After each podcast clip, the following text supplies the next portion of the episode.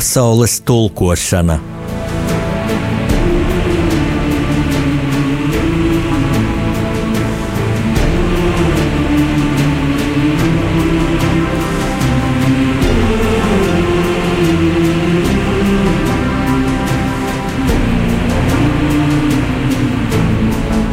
Studijā rakstnieks Jānis Udris.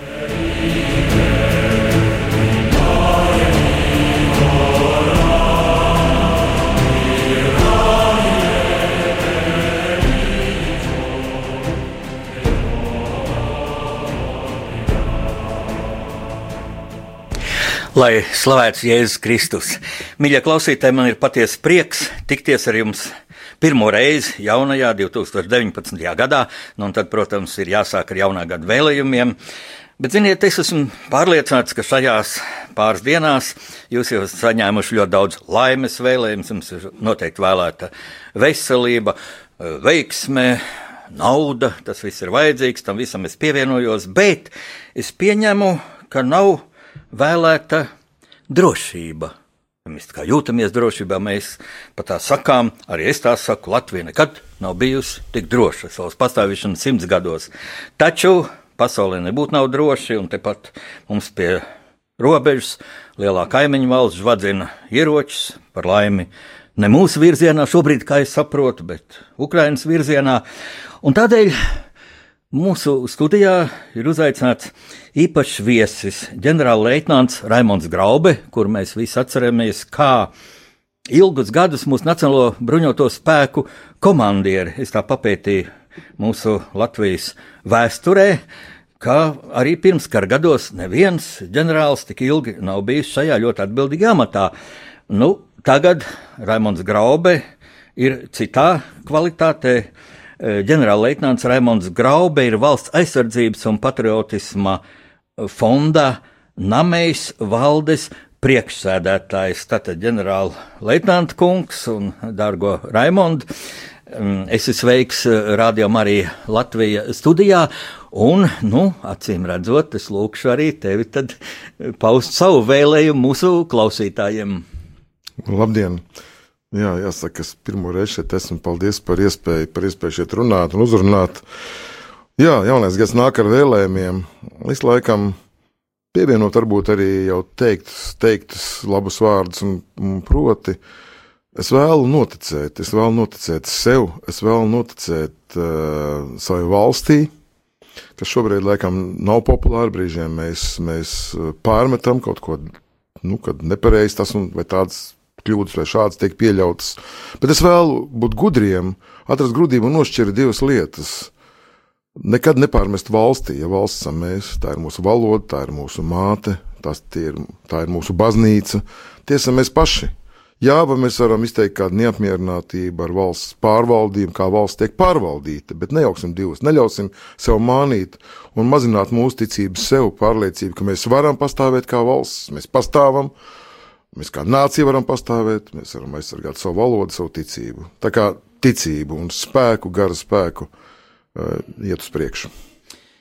Jā, manuprāt, pats būtiskākais jautājums ir, kā tu raugies augstas klases militāru speciālistu šo tēzi, ko es pirms brīža teicu, ka Latvija nekad nav bijusi tik droša kā tagad. Vai šai tēzei ir eh, tāds profesionāls segums, apstiprinājums no ģenerāļa puses, vai es varbūt kā žurnālists, ilgs gads esmu bijis žurnālists, tagad rakstnieks, varbūt uzdevu vēlamo par īstenību. Kā tu to vērtē tā tīri profesionāli?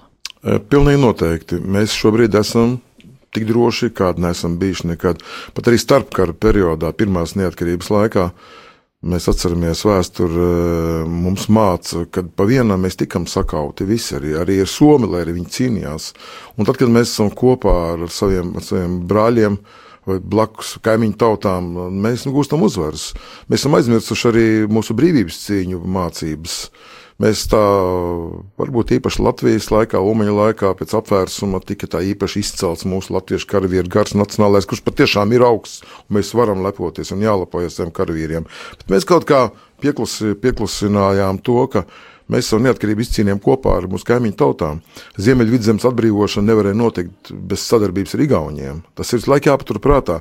Mēs atcerējāmies varbūt tos Igauniju šādas tādas nu, pa smaidu ar humoru vai sazvērtības teoriju pieskaņu. Viņi gribēja lielu cenu par šo palīdzību. To mēs tā kā atceramies, bet mēs aizmirstam, ka vai nepietiekam atceramies, kad ar viņiem kopā mēs izcīnījām neatkarību. Latgals atbrīvošana noritēja kopā ar poļiem. Ja, un, un vēl viss, viss varbūt sarežģītākais vēstures posms ir tas, ka uh, mums tādas labvēlīgākas tajā brīdī, vēsturiskajā brīdī, vācu vienības bija tās, ar kurām kopā mēs cīnījāmies pret, pret šo sarkano mēri, pret bolševikiem. Tā kā nevienā, gandrīz nevienā atbrīvošanas cīņas vēstures periodā mēs nebijām vieni. Un, bet, bet, kad bijām vieni pirms otrā pasaules kara, mēs tikām okupēti. Un atkal, mēs šobrīd esam NATO, mēs esam Eiropas Savienībā. Tas ir mūsu spēks. Es negribu šeit, eh, varbūt tādas, nu, kas būtu, ja būtu teikt, bet es tomēr lūgtu aizdomāties visiem, kad Krievijas agresija, Krievijas federācijas agresija pret savu brāļu tautu bija veikta tieši tāpēc, lai viņi nepievienojās, kā viens no iemesliem, lai nebūtu NATO, lai nepievienotos Eiropas nu, rietumu saimēji, kristīgai saimēji. Un, un viņi bija vieni, un tas tika izmantots. Es vēlreiz atkārtošos, es negribu apgalvot, ka mēs varētu būt upuris. Bet, ja mēs nebūtu NATO, mūsu likteņi varētu būt apdraudēti līdzīgi kā Ukraiņa likteņi, liktenis. Jo, jo tad mūs neviens neaizstāvētu un, un nebūtu pamata mūsu kaimiņam bažīties par to, un viņš varētu realizēt savu agresīvo politiku. Lūk, ja mēs nebūtu NATO, mēs esam NATO, paldies Dievam, jāteic, bet patiesībā Paldies mūsu politiķu lēmumam 90. gadu vidū jau iet šo rietumu transatlantiskās orientācijas ceļu. Un, ja tā kādreiz saka, Latvijā viss ir bijis aplami, un tā, jā, valdība ir pieņēmusi dažādas lēmumus, kam arī es kritiski esmu raudzījis dažiem, bet lūk, šis te lēmums, pie tam tas toreiz nebija tikai valdības lēmums, visi politiskie spēki toreiz apbrīnojamā kārtā apvienojas. Un kādreiz tā laika prezidents Guns Ulmans teica, viss bija par to, ja, kad iet šo ceļu, jo otrs ceļš bija, nu, tā kā tuvināties Maskavai, ja tuvināties šai postpadomi telpai, ko tagad ļoti intensīvi cenšas atjaunotais impēriskajās robežās un ambīcijās. Bet kā tas ir ar šo NATO piekto paragrāfu? Nu, tas tā tas skānis, esmu jau ar raidījumos to atgādinājis, ja uzbruk vienai NATO dalību valstī, tas nozīmē uzbrukumu visam NATO. Bet vai tas tik vienkārši uh, būtu uztverams, ka, teiksim, nu, ja, ja kāds neģēlīgi uzbrukt Latvijai, tad mēs varam mierīgi latvieši sēdēt salikuši rokas un gan tur kādi amerikāņi momentā nāks palīgā. Ja tur jau būs politiskie spēki, mēs pirms, manuprāt, pagājušā gada pavasarī skatījāmies un daudz diskutējām par šo filmu Trešā pasaules kara komandas centrā, ja, kur rādīja, kā Tā kā inscenācijā, bet ļoti īpatnējā veidā piedaloties bijušiem politiķiem, kā angļu politiķi diskutē, kāpēc viņiem jāizstāv Latviju. Un domāju, tas būtu ļoti reāli, kā tas no militāru speciālistu viedokļa ir. Vai, un, respektīvi, ko es gribu teikt, kā es saprotu, būdams civilists, civilists ja, ka mm, nu, tās pirmās kaujas būtu jāizcīna mūsu pašu puišiem. Un cik Jā. viņi ir gatavi Es domāju, ka ir, bet nu, tavs viedoklis. Jā, es varbūt sākšu ar šo angļu piemēru. Priekšu, ja jūs man atgādinājāt, tur to atgādinājāt, varbūt tādu mazu man dienestu nostalģijas periodu.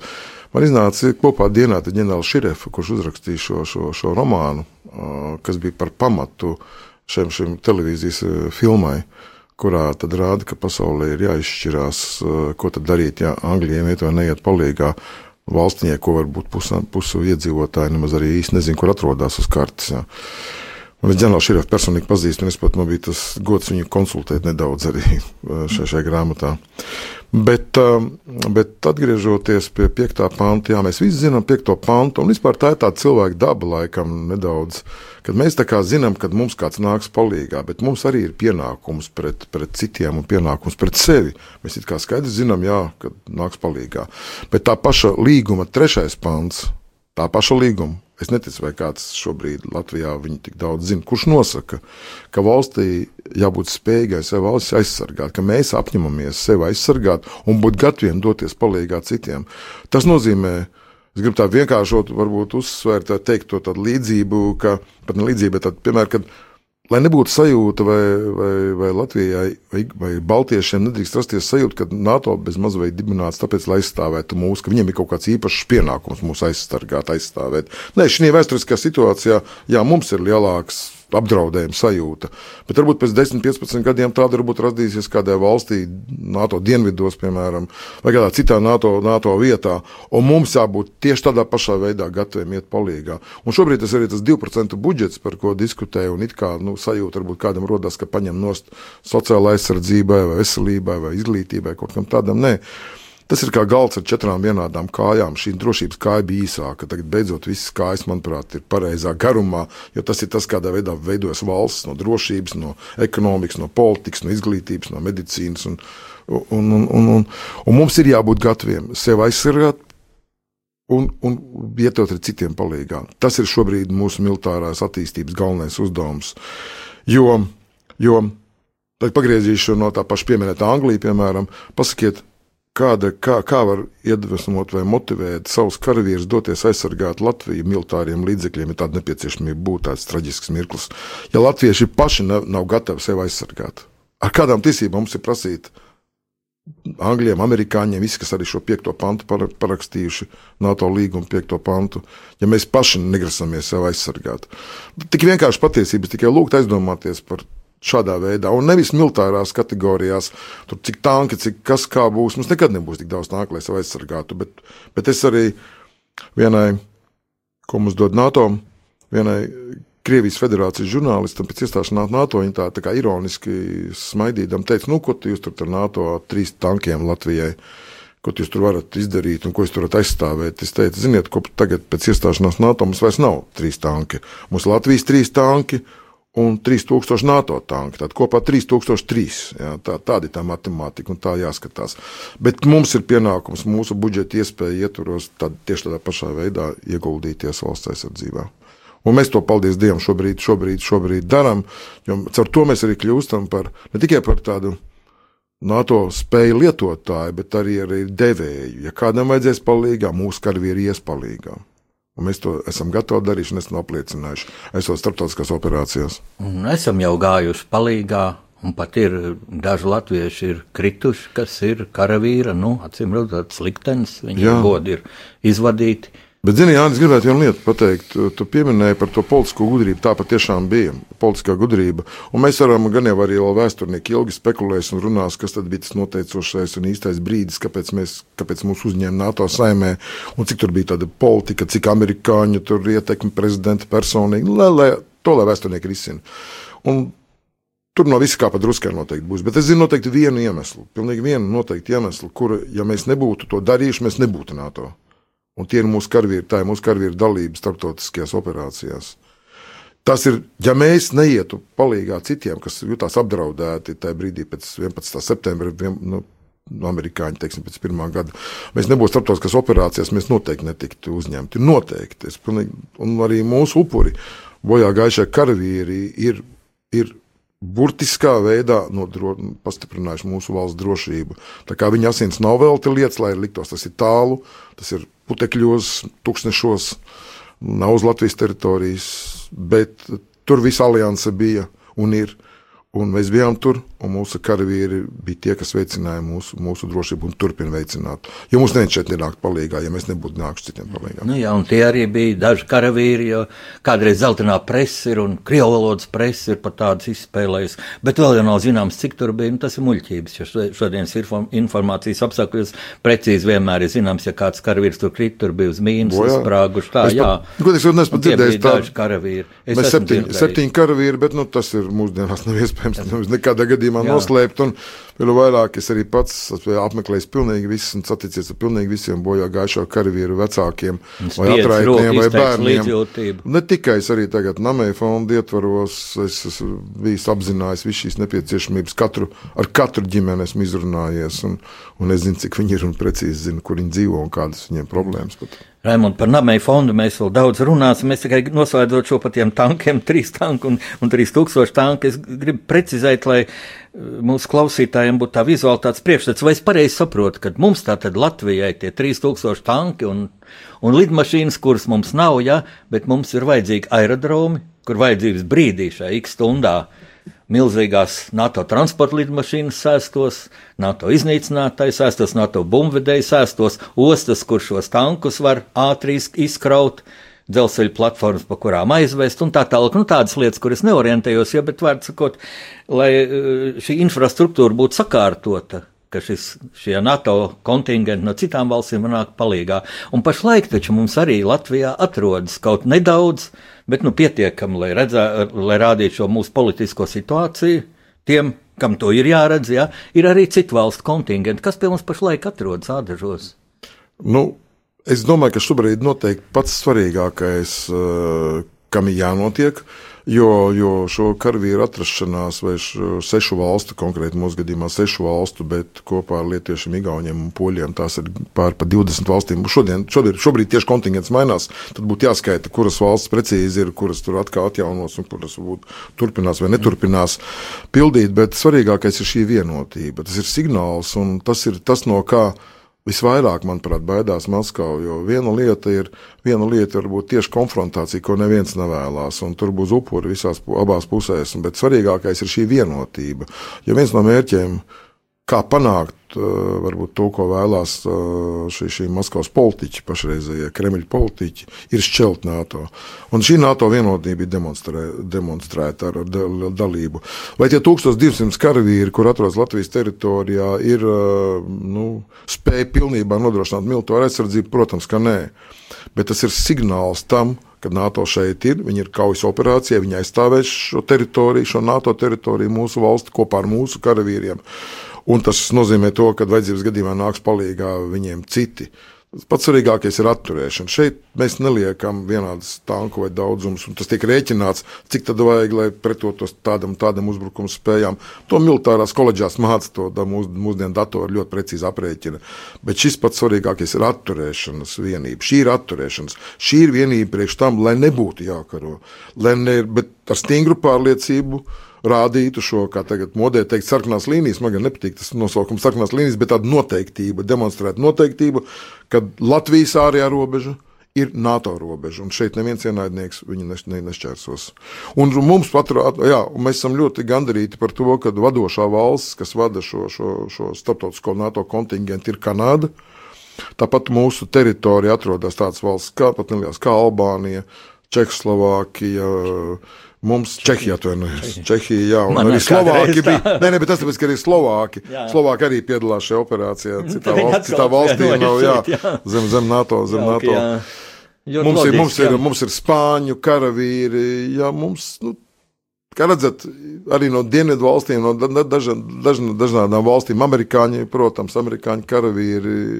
Blakus kaimiņos mums ir no Lielbritānijas, no Vācijas un daudz, daudz citas valsts. Daudz ko pārdomāt. Tādi Es pieņemu, mūsu klausītāju vairumam nu, neierasti fakti, militārie jautājumi, bet ko jāzina laikam katram latvietim. Es domāju, tagad lai paskan mūzika un mūsu klausītāji pārdomā šo lietu.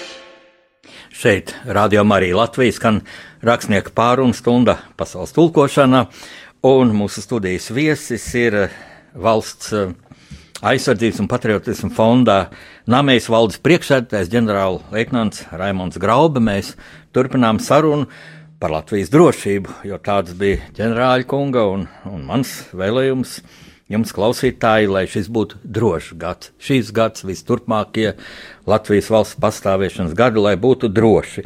Nu, fonds namējs. Es redzu, ka tev, uh, Raimond, ir arī pirkstā namēja gradzens, kā daudziem latviešiem, un man ienāca prātā, ka man reiz uh, intervēja žurnālists, tas bija sakrā to, ka Ventspils novadā bija tāds um, skolēnu dīvainā kārtā jautājumu konkurss grāmatas Melders un Matīs ceļojums vēsturē autoram Jānim Mūdrim, jo tā ir grāmata bērniem, pusauģiem e, par Latvijas vēsturi. Un, un tad žurnālisti man intervijot prasīja, kā jūs saprotat vārdu patriotisms. Un, un man uzreiz ienāca prātā, ka šis vārds padomju okupācijas gados, vārds patriotisms, tik šausmīgi devalvēts, un ka cilvēku apziņā laikam viņš asociējas ar, ar kā padomju kaut kādu atribūtiku, ja jau bija pat tāds teiciens padomju padomju patriotisms. Jau mēs redzējām, ka nekāda patriotisma nebija. Šī padomju impērija sabrūkā kāršu namiņš. Ja? Un tieši jaunieši, kam to mācīja, bija uz, uz janvāra barikādēm, un, un tagad, ir, nu, tagad jau brīvā Latvijā dzimušie jaunieši ir mm, jaunsargos. Man ļoti aizkustinošs iespējas palika mm, šī gada Ziemassvētkos, kad man bija uzticēts, paldies par to nu, zemesardzei, kas man aicināja vadīt šo ceremoniju Lesenas brāļu kapos. Un es centos to godam izdarīt, un tur man uzkrita jaunsargi, cik skaisti viņa nesa šo leģionu varoņu fotogrāfijas ar svecītēm. Un, un man tāds iespējas, ka tas vārds ir sirdī mums visiem.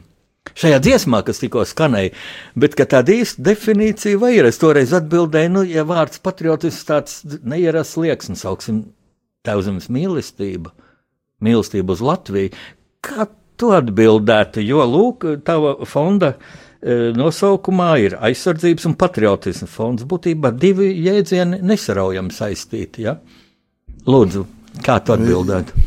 Jā, es ļoti, ļoti paldies par šo jautājumu. Tāpēc, es tieši pagājušajā, pagājušajā gadā, tā pa simts gadu domādams, es arī vienreiz aizdomājos, kas tad īsti, kā, kā citas arī valsts un kā, ko mēs saprotam vārdu patriotisms. Un es izmantojot internetu iespējas.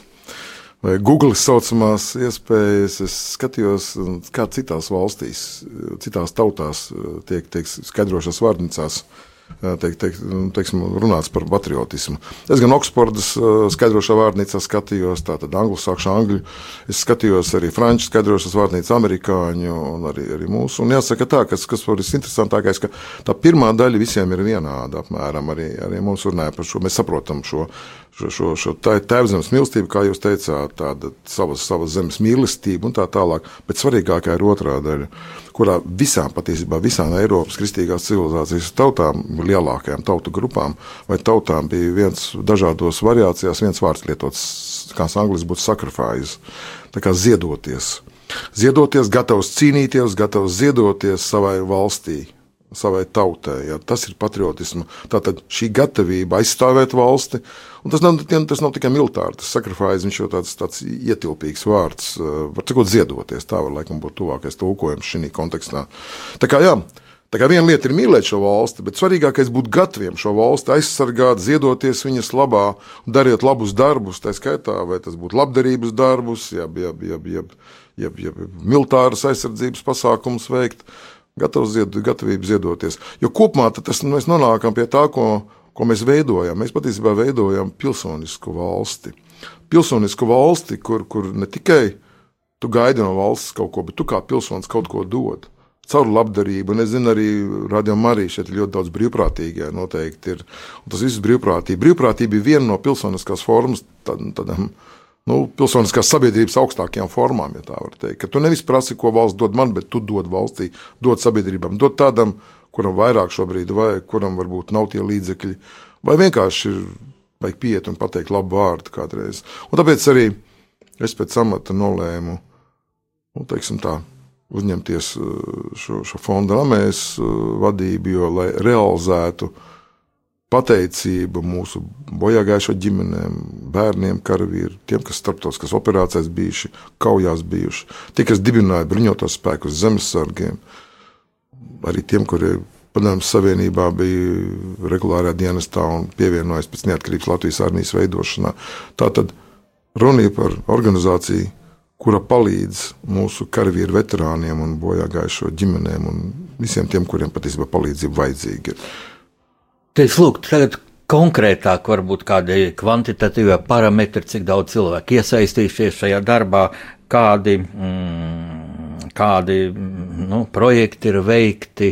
Jo es pat pēdējās nedēļās biju liecinieks Lūk, Lestenē, ja fonds Namējs.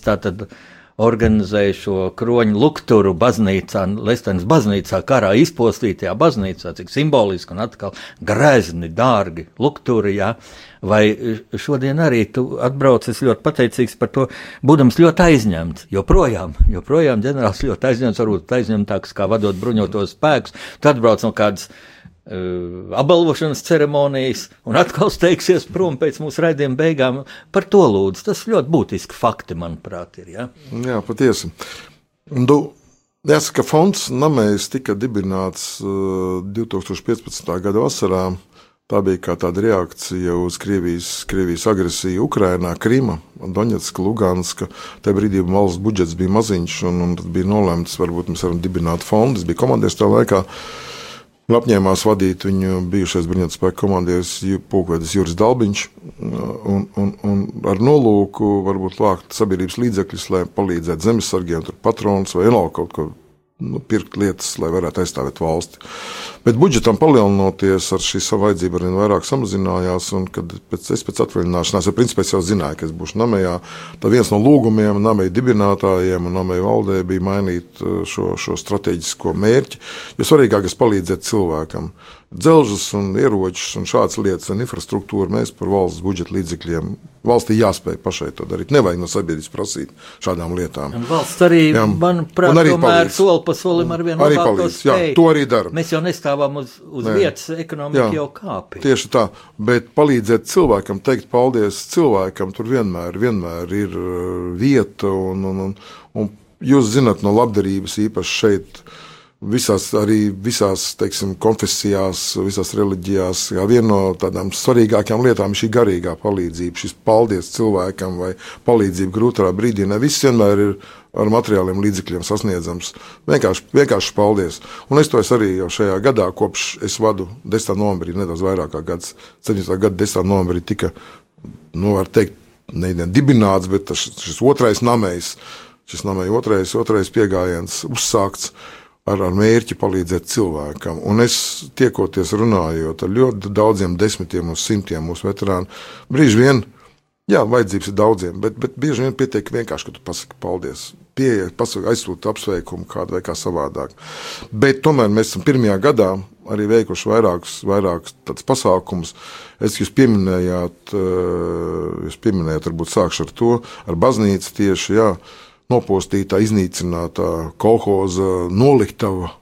Lestenes baznīcā iekārtotā, tur nekas nebija palicis pāri. Vai, un blakus ir brāļu kapi, karavīru mūsu leģionu brāļu kapi, svēta vieta. Un arī namēs nolēma palīdzēt, un, un, un pateicoties akadēmijas prezidenta Ojārs Pārīša nu, teiksim, ierosinājumam, jo mēs esam, viņš ir namēs valdu loceklis namējā. Mēs nolēmām palīdzēt baznīcai un atjaunojām, devām līdzekļus materiāliem, lai, lai atjaunotu divas kroņluktūras no trījiem. Un tā bija ļoti laba sadarbība, jo kopā ar mākslas un, un mediju un mākslas uh, tehnikumu Es ceru, ka es pareizi nosaucu to nosaukumu precīzo. Mm, jā, jā. jā un, un Tas ar, sarežģīts, ar, ar, viņu- viņu atceros, Ar viņu, ar viņu beidzējām kā diplomu darbs, tad kopdarbs bija tāds, kas rezultējās ar skaistiem, skaistiem lukturiem, kruņlukturiem. tas dārgi maksāja, tur bija runa nu, par tur tā tūkstoši, tie tūkstoši, tie ir vairāk, materiāli. tie ir vairāk tūkstoši, četri tūkstoši eiro, tā, tā, tā bija tā cena. Nu, un tālāk, tālāk mums daudz, daudz labi palīgi un pasākumi, un es arī jūs pieminējāt tikko paldies virsnieku apvienības uh, trijiem locekļiem, kuri varbūt arī radio klausītāji varbūt pamanīja pirmajā televīzijā novembrī uzvarētāji, tā veiksmi intīcija prāts, VIP saucamajā spēlē, konkursā. Prāts spēlē uzvarēja virsnieku apvienības komanda, uzvarot 1000 eiro, un viņš šo līdzekļu ziedoja namējam. Kaut gan divi no viņiem paši ir bruņoto spēku veterāni, gan jūras spēku, gan zemesardzes veterāni. Viena virsniece, kapteiņa Andersona, savukārt ir, ir ar, ar izcelību beigusi pirms apmēram cik gadiem, varēja būt desmit, laikam, apmēram pirms dienām nedaudz vairāk, ar izcelību beigusi Hartmaņa, ģenerāla Hartmaņa zobenu ieguvusi beidzēja, un, un, un viņa arī Visiem šiem cilvēkiem, principā, šie līdzekļi būtu svarīgi, bet viņi ziedoja namajam, lai, lai mēs varētu realizēt savus mērķus. Un šodien pārnājot ar vienu no viņiem, arī namais teica paldies. Un tad pārnājot, šķiet, ka šī nauda mēs novirzīsim mūsu starptautiskā operāciju veterānu bērnu, bērnu nometnēm, ko mēs šogad jau uz, pagājušā gadā jau uzsākām. Tātad gandrīz simts bērniem mēs uzrīkojam nometni, pavelti, protams, šiem ģimenēm, kā pateicību tam, kad viņu tēvi un mātes ir bijuši starptautiskās operācijās, no ģimenēm prom atrauti pusgadu, gadu. Un, un bija tur, kur valstī bija vissvarīgākais, lai viņi būtu. Tāpat mēs palīdzam pilnīgi visām, ir apzināts mums nepieciešamības pilnīgi visiem bojā gājušo ģimenēm. Rehabilitācijās esmu piecas reizes bijuši gan, gan līgatnes rehabilitācijas, gan jaunķimeru, īpaši jaunķimeru rehabilitācijas centros. Tikko līdz Ziemassvētkiem bija divas ģimenes, un mēs maksājām, pilnībā sedzam visus šos, šos izdevumus. Tāpat mēs apmaksājam veselībai, medicīnas izdevumus, nepieciešamos arī tā skaitā vienam bojāgājušā karavīra bērnam, bērniņam. Un, un, un, es varētu vēl un vēl turpināt. Jā, vēl kā piemērs. Mēs visi zinām, vai varbūt redzējuši radio klausītāji kapos, Latvijas teiksim, tā, kritušiem karavīriem, kuriem piešķirts Latvijas kara ordenis. Šis ordenis ir gravēts virsū uz kapa pieminekļiem. Tāda ir Latvijas brīvvalsts laika tradīcija. Un mūsu karavīri, kuri gāja bojā pirms viņiem piešķīra pēcnāves viestura ordeni, šādi gravējiem nav. Valsts, jā, valsts lika šos, šos kapa pieminekļus, bet, bet, bet bez, bez, bez šiem viestura ordeņa zīmes.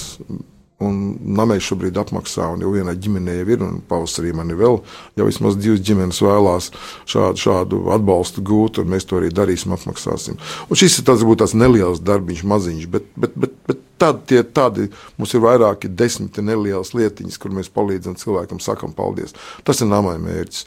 Un īpaši man liekas, gribētu uzsvērt vienu lietu. Mēs, mēs runājam par pilsonisko valsti. Tad šāda, šāda um, organ, nu, fonds, kas atbalsta viena konkrētas jomas uh, cilvēkus, kur paši, paši karavīri un zemesargi ziedo, lai atbalstītu savus veterānus. Tādu valstī varētu laikam tikai viens. Es, laikam, man nāk, kas man nāk prātā, ir Uļas Semjonovs fonds, kur sportistiem palīdz. Mēs labdarības akcijas ir vairākas bērniem, slimiem, slimības grupām, bet tāds viens, kas rūpējas par vienas jomas veterāniem un, un tiem, kuriem palīdzība vajadzīga, tāds nav. Es ļoti lepns, ka šā, šobrīd karavīriem un zemesargiem tāds ir. Jā, svēta lieta, ko atkal jāpārdomā, skanot mūzikai. Mieru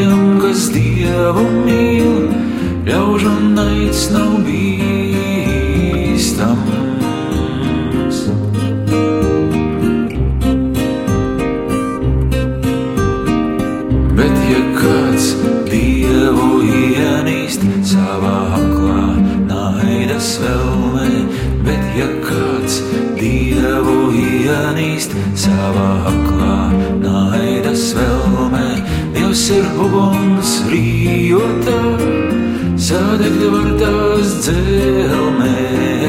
Dievs ir uguns rījotā, sadegt var tās dzelmē.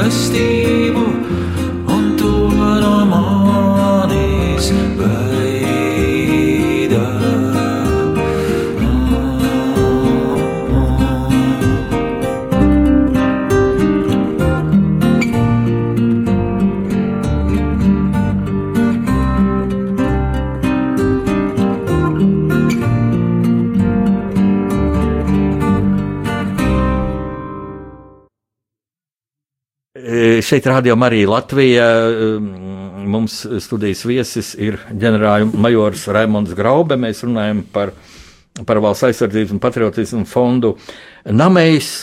Un, uh, Nākamais jautājums man ir mazliet citā plāksnē. Un es atzīšos savās emocijās, kad es izlasīju, ka mūsu Nacionālo bruņoto spēku komandieris, ģenerālleitnants Raimons Graubi, ir iesniedzis atlūgumu. Es biju sarūknāts un pat tā kā, nu, es teikšu, pat dusmīgs uz tevi, jo es skatījos pēc tiem gadu skaitļiem. Nu, ir tā, ka militārā, uh, militārajā dienestā ir ātrāk aiziešana pensijā, ja, bet tev vēl, manuprāt, nebija pat tas pienācis, un mēs bijām tā pieraduši, nu, tāda stabilitātes sajūta. Graubi ir mūsu bruņoto spēku, nu, teiksim, vienkārši armijas komandieris. Ja? Kaut kā bruņoties spēki tur ir floti un viss tas. Ja?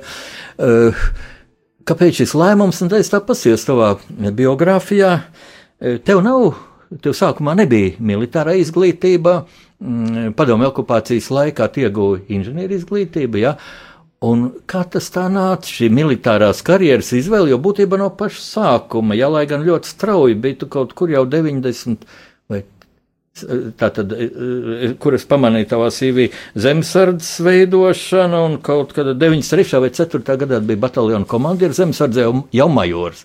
Vai es jaucu, ja es tā no galvas to saku, bet lūdzu tagad tātad pastāst tā īsti, kas tas bija un galvenais tie, tā motivācija, kā tā radās. Jā, es laikam teikšu, ka mans, man militārā karjera patiešām bija tāda ļoti, tāda varbūt teikt, netipiska, ja mēs tagad ar mūsdienu acīm raugamies un veids, kā, kā, kā nākamie komandieri tiks, tiks izvirzīti un nākamie komandieri pēc kādiem uh, amatiem tiks, tiks nu, atlasīti. Teiksim. Jā, bet tas laikam tas attīstības periods bija tāds specifisks, un, un, un man ir tāds pats liktenis kā, kā simtiem, daudziem simtiem zemesardzes un arī nu, ne tikai zemesardzes virsnieku. Un proti, Es esmu tāds klasisks barikāžu, ja tā var teikt, nu, produkts, ja vispār šo vārdu var lietot, bet tāds pārstāvis. Jo, jo es biju īpašos brīvprātīgos kārtības sargos, tātad man bija vēlme piedalīties šajā neatkarības nosargāšanā, tādā organizētā veidā. Man uzrunāja, un es piekritu. Un, un, un, un mēs, arī, mēs arī bijām tie, kas barikāžiem sākoties tajā vakarā. Es biju Zaķisalā.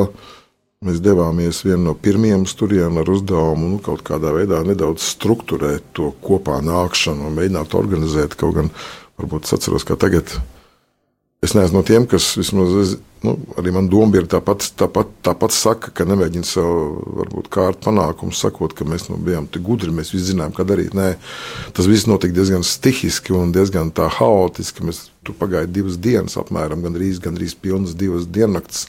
Kamēr mēs daudz maz saorganizējām šo, šo zaķu salā, šo, šo aizsardzību, tā skaitā ielas aiztaisīšanas cietu un tā tālāk. Bet nu stāsti par to, ka jā, tā tad Es biju tādā organizētā daļā, jau, jau var teikt, politikā.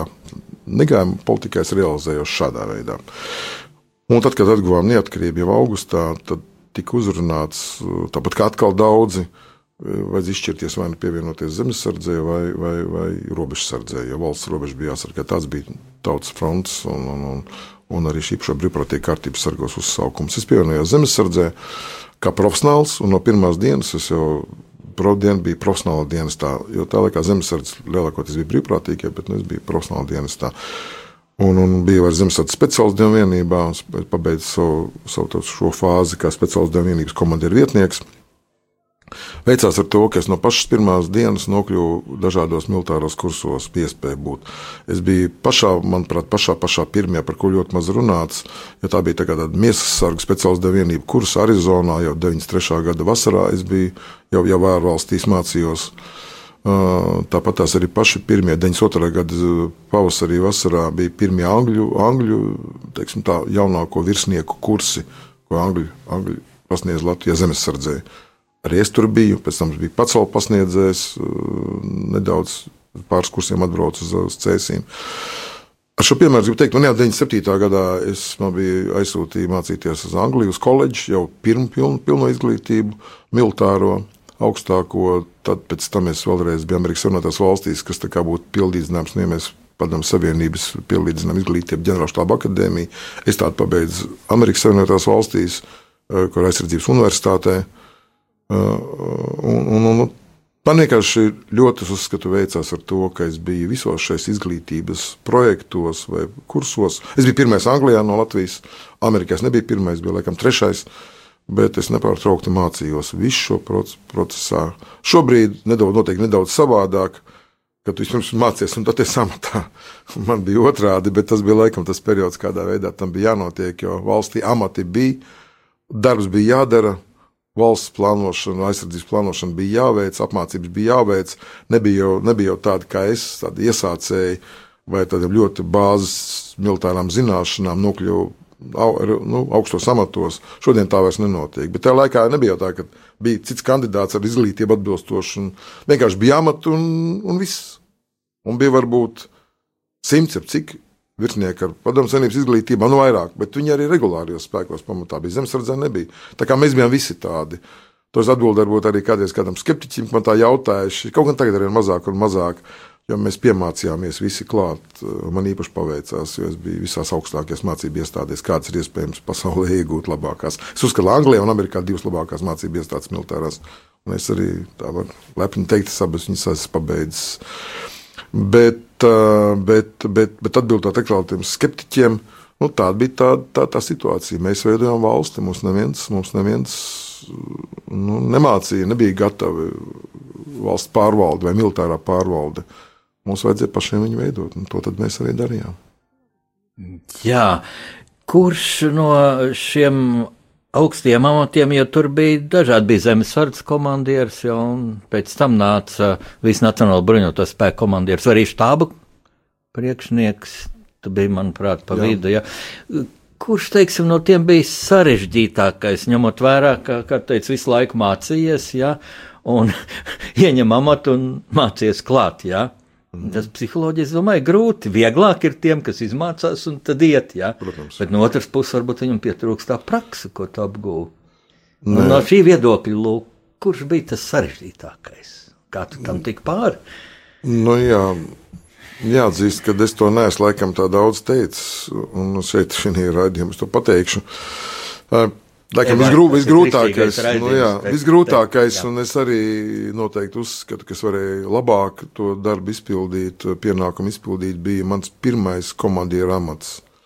Komandieru, komandieru postenī pirmo reizi, kad es biju no 99. gada līdz 2003. gadam. Šobrīd tā vairs nevar notikt, bet es uzskatu, ka es biju iecelts amatā, varbūt nedaudz nepietiekami gatavs šim amatam. Savā dzīves pieredzē, militārā pieredzē, strateģiskās plānošanas, tādas lielas organizācijas vadībā, jo līdz tam jānonāk pakāpeniski caur izjūt caur zināmiem amatiem, lai, lai, lai šo pieredzi uzkrātu. Gados arī jauns tu biji. Tad... Arī gados jauns, un tas viss kopā. Pulkvedis, ja? jā, es biju pulkvežlietnants pat no sākuma, tas Ā, bija pat pavisam dīvaini, jā, jā, un, un, un, un, jā, tā tas bija, bet, nu, laikam, Tā bija tāda gatavošanās man otram komandēšanas periodam, kad es biju noteikti daudz gatavāks. Man bija starptautiskā pieredze, es biju četrus gadus strādājis Briselē, Latvijas pārstāvs apvien, gan, gan, gan Eiropas Savienībā, gan NATO pamatā. Tad piedalījies visos operāciju plānošanās, Afganistānas un tā tālāk.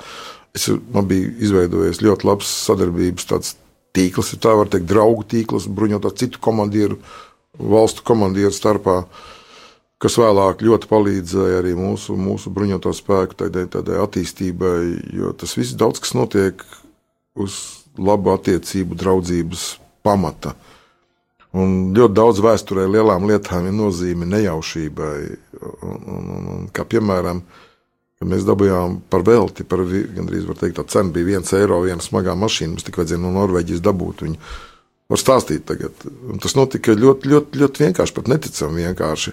Kad sarunājoties ar Norvēģiju komandieru tā laika, ģenerāli Zundi, ar kuru es kopā Briselē biju strādājis trīs gadus, mēs ģimenēm pat sadraudzējāmies, gājāmies pie otra vakariņās kādreiz, un bijām tad profesionāli kolēģi, draugi, pat varētu teikt, profesionāli draugi. Un viņš bija komandieris, nu, tad es kļuvu komandieris, un, un vienā reizē mēs runājām. Viņš stāstīja, jā, viņam tur samazinās nedaudz nezinu, autoparks, un viņi tur grasās kaut kur pārdot autoparku. Un mūsu smagās mašīnas tajā laikā bija ļoti liela problēma, un tie bija tie laiki, tas bija 2011. gads. Budžeta līdzekļi ļoti, ļoti ierobežoti. un Vēl es- krīzes. Jā, krīze, viss tas bija, tas bija krīzes, pilns krīzes iespējas. Budžets zem 1%. Un es Haraldam saku, bet mums principā vajadzētu mūsu tādas mašīnas ļoti nodarbot. Mēs varam parunāt par cenu. Un tad viņš saka, bet zini, ka mūsu karavīri kopā, mēs tā laikā bijām ar Norvēģiem kopā Afganistānā, Norvēģu vadībā. Bet mēs bijām vienā vienībā. Mēs veidojām vienu vienību Maimanas provincē. Viņš saka, zini, ko mūsu, mūsu karavīri ir, ir kopā kaujā gājuši. Es runāšu ar politiķu, varbūt mēs dabūsim politisko cenu. Saprotiet, tādā līmenī notika, ka mēs dabūjām laikam 186 mašīnas. Tikai mums bija jāsamaksā par atvešanu no Norvēģijas. Viņas no, no, no noliktavām, no spidometrā 5000, 10 000. Jaunas Pēc tam mēs pirkām par to jaunas mašīnas. Un mēs dabūjām ti- tikai tā, ka tas notika tikai tāpēc, ka mēs bijām draugi. Tik tas vienkārši notika. Jā, pēc tam bija politiskie lēmumi. Mūsu ministrs satikās Čikāgas samitā, un, un, un, un, un, un viss jau bija komandieris. Viņš jau bija sarunājis, un pateicoties mūsu karavīriem, pateicoties karavīru draudzībai, mūsu draudzībai, profesionālai, ka kopā bijām dienējuši, un pateicoties tam, ka mūsu karavīri vienās kaujās gāja Norvēģi karavīriem, mēs dabūjām politisko cenu, kā viņš to viņš arī nosauca. Ģenerālis Zundi, viņš arī teica, tā ir politiskā cena. Redziet, šie piemēri ir tie, kas, kas noteikti man otro, šo otro komandēšanas periodu padarīja labāku, un es arī pats daudz komfortablāk jutos kā vadītājs, kā komandieris. Un, un protams, gāja tāpēc, ka, jā, es varēju vēl pusotru gadu nodienēt, turpināt, bet redzat, tikai autoritāros režīmos sēž līdz tam, kamēr no kabineta izdzen ārā.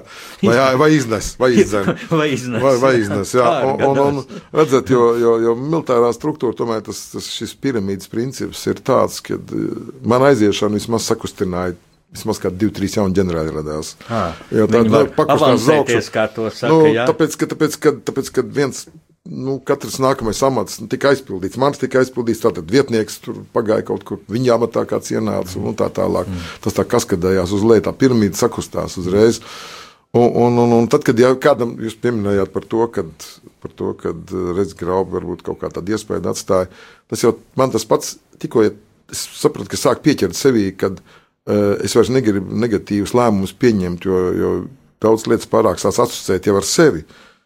Un paliec vienpersonā, pirmajā personā sāc runāt biežāk nekā pieklājās runāt uh, tādā valstī kā Latvija, demokrātiskā valstī. Tad laiks iet prom. Tad laiks iet prom un darīt kaut ko citu. Un es izvēlējos iet uz Namu. Es zināju, ko es darīšu. Es jau, jau pusgadu iepriekš zināju, vismaz. Es gan par to nerunāju, bet es zināju, ka es veltīšu savu, savu, savu, savus darbus un savus pūles kopā ar dombiedriem, kopā ar valdi, kopā ar citiem uh, cilvēkiem. Veltīšu karavīriem, veltīšu šai palīdzībai, labdarībai. Un tāpēc es tam mierīgi, mierīgi sirdi gāju projām. Jo jo notiekās, un šobrīd bruņoties spēki attīstās tā, kā ir jāattīstās. Man ir prieks, ka mēs kopā radījām plānus, un plāni jau nav mainījušies. Tie plāni, ko mēs kopā radījām, arī tā skaitā manā periodā, viņi jau turpina realizēties.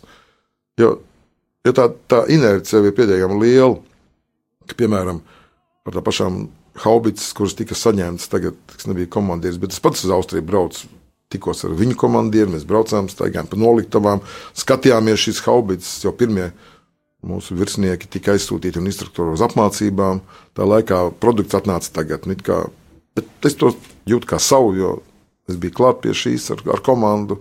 Mēs to darījām, un, un, un, un tāpēc, tāpēc, tāpēc man šī, šī, nu, šī gandrījuma sajūta ir, izpildīt darba sajūta ir, un es aizgāju nomet ar ar pārliecību, ka es atstāju drošās rokās, un, un, un viens cilvēks nedrīkst radīt sajūtu vai uzskatīt, ka viņš var ietekmēt procesu. Tā ir komanda, mēs, kur, ar kur mēs kopā to darījām. Zini, Raimond, tas ir nu, patiešām ļoti labs nobeigums mūsu sarunai. Kaut man vēl gribētos jautāt, un jautāt, un jautāt, bet visu laiku chronometrs skrien uz priekšu. Un, un es vienīgi varu teikt tādu lielu prieku, ka šis fonds Namējs, kas man, manā, manā tādā pārliecībā ļoti svarīgs Latvijai, ļoti vajadzīgs, jo ir arī ļoti daudz tāda, tāda nu, cinisma. Daudz cilvēku attieksmē pret mūsu valsti, ja? ka jūs darat svētīgu darbu, un, un cik labi, ka tu par to pastāstīji, un lai tev Dieva palīdzība turpmāk to veikt. Tātad, mīļie klausītāji, Šī bija rakstnieku pārunu stunda Radio Marija Latvijas programmā, un mūsu studijas viesis bija ģenerālleitnants Raimons Graube, kurš tagad vada Valsts aizsardzības un patriotismu fondu e, Namejs, un vienīgi es gribu izteikt tādu cerību, ka šī bija pirmā reize Radio Marija studijā ģenerālim, bet kad nav pēdējā, ka tu vēl atnāksi. Es ceru, ka tev nebija garlaicīgi un, un ka tu varēji izstāstīt to, ko, ko tu uzskatīji par svarīgāko. Jā, paldies, paldies par iespēju šeit būt par uzaicinājumu. Ja es varbūt kādreiz kaut ko, es šeit kaut ko pastāstīju, vai varbūt izskaidroju, vai, vai devu kādu pārdomu, tad, tad mums kopējais darbs ir izdarīts. Paldies visiem! Lai tev pašam ļoti, ļoti labs šis gads, lai tev Dievs svētība visās gaitās, un lai Dievs svētī Latviju.